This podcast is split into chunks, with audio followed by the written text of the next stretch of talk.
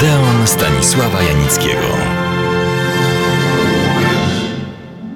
Czasami, tak sądzę, warto się, niezależnie od wszystkiego, oderwać od otaczającej nas rzeczywistości i sięgnąć po dobrą, nieprzeczytaną do tej pory książkę, pójść na wybrany, nieobejrzany film, do kina albo włączyć odpowiedni kanał, skupieniu posłuchać muzyki, obojętnie jakiej, na którą tak często nie mamy czasu. Czynię to i ja. I kiedy trafiam na ciekawy film, raczej z dawnych lat, którego nie widziałem, choć na tyle słyszałem czy przeczytałem, żeby czuć pewien, nazwijmy to dyskomfort. Przed laty, w czasie bodaj pierwszego pobytu w Japonii, gdzie wtedy zbierałem materiały do książki, którą po powrocie napisałem o przeszłości i teraźniejszości kina japońskiego, tak na marginesie jednego z największych i, co ważniejsze, najciekawszych i najwartościowszych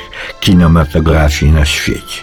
Pewnego razu Zaproszony zostałem na pokaz, ponoć bardzo ciekawego artystycznie, ale i ciekawego, szczególnie dla mnie, który przybył z kraju katolickiego filmu japońskiego noszącego tytuł Milczenie, Chinmoku. Scenariusz napisali pisarz, autor adaptowanej książki Milczenie Siusko Endo oraz reżyser, jeden z najwybitniejszych japońskich reżyserów filmowych Masahiro Shinota. Autor Milczenia nazywany jest Grahamem Greenem. Sam jednak powołuje się na pokrewieństwo z Moriakiem, a nawet Dostojewskim. Interesuje go przede wszystkim przenikanie cywilizacji, kultur, wartości duchowych Zachodu i Japonii. W swych utworach powraca do problemu chrześcijaństwa jako religii uniwersalnej.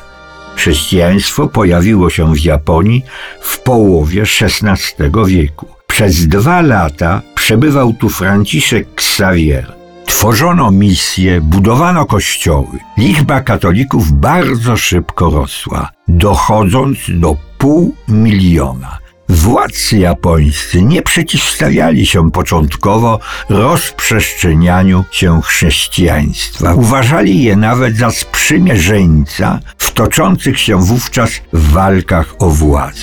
Rywalizacja między misjonarzami portugalskimi a hiszpańskimi, a ponadto niepozbawiona podstaw obawa, że misjonarze są tylko forpocztą państw europejskich dążących do opanowania Japonii oraz chęć utworzenia silnej władzy centralnej.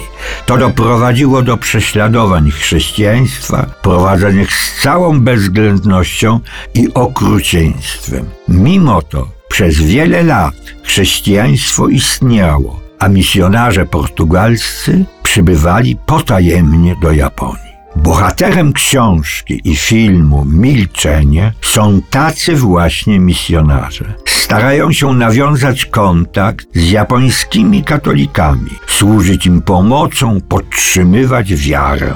Główną postacią jest młody jezuita Rodriguez, który przybywa do Japonii, by rozwikłać zagadkę księdza Pereiry, swego wychowawcy i żarliwego misjonarza.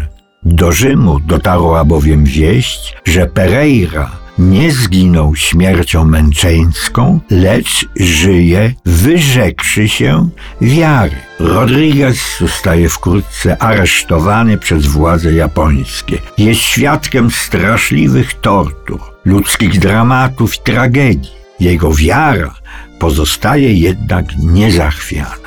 Wreszcie dochodzi do spotkania z księdzem Pereirą. To kluczowa scena filmu.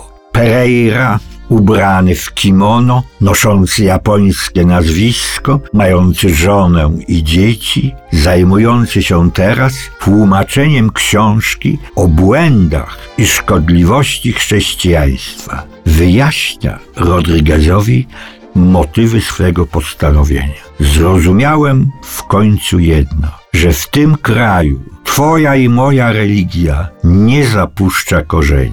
Japończycy przekształcili i wypaczyli chrześcijańskiego Boga. nie są w stanie wyobrazić sobie Boga, będącego czymś całkowicie odmiennym od ludzi. Nie potrafią wyobrazić sobie bytu ponadludzkiego. Nazywają Bogiem wyidealizowanego i wyolbrzymionego człowieka. Kiedy to zrozumiałem, nawracanie straciło dla mnie sens. Ten wywód wydaje się przekonywający, ale w pewnym momencie, kiedy znaleźli się bez świadków, Pereira pokazuje Rodriguezowi bliznę za swoimi uszami.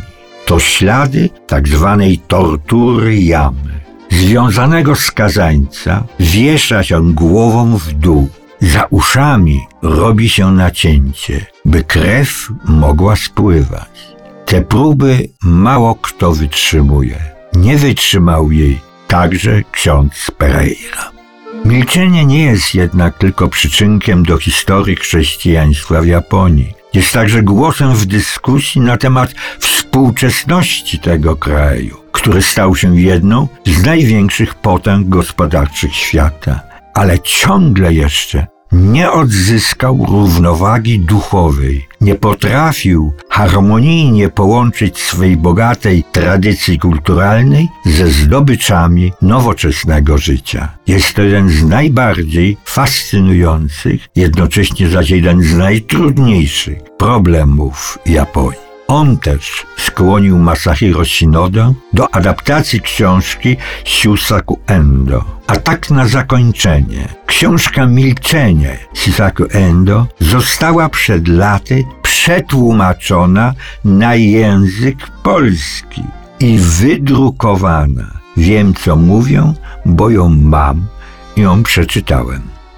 Proszę poszukać w dużej bibliotece.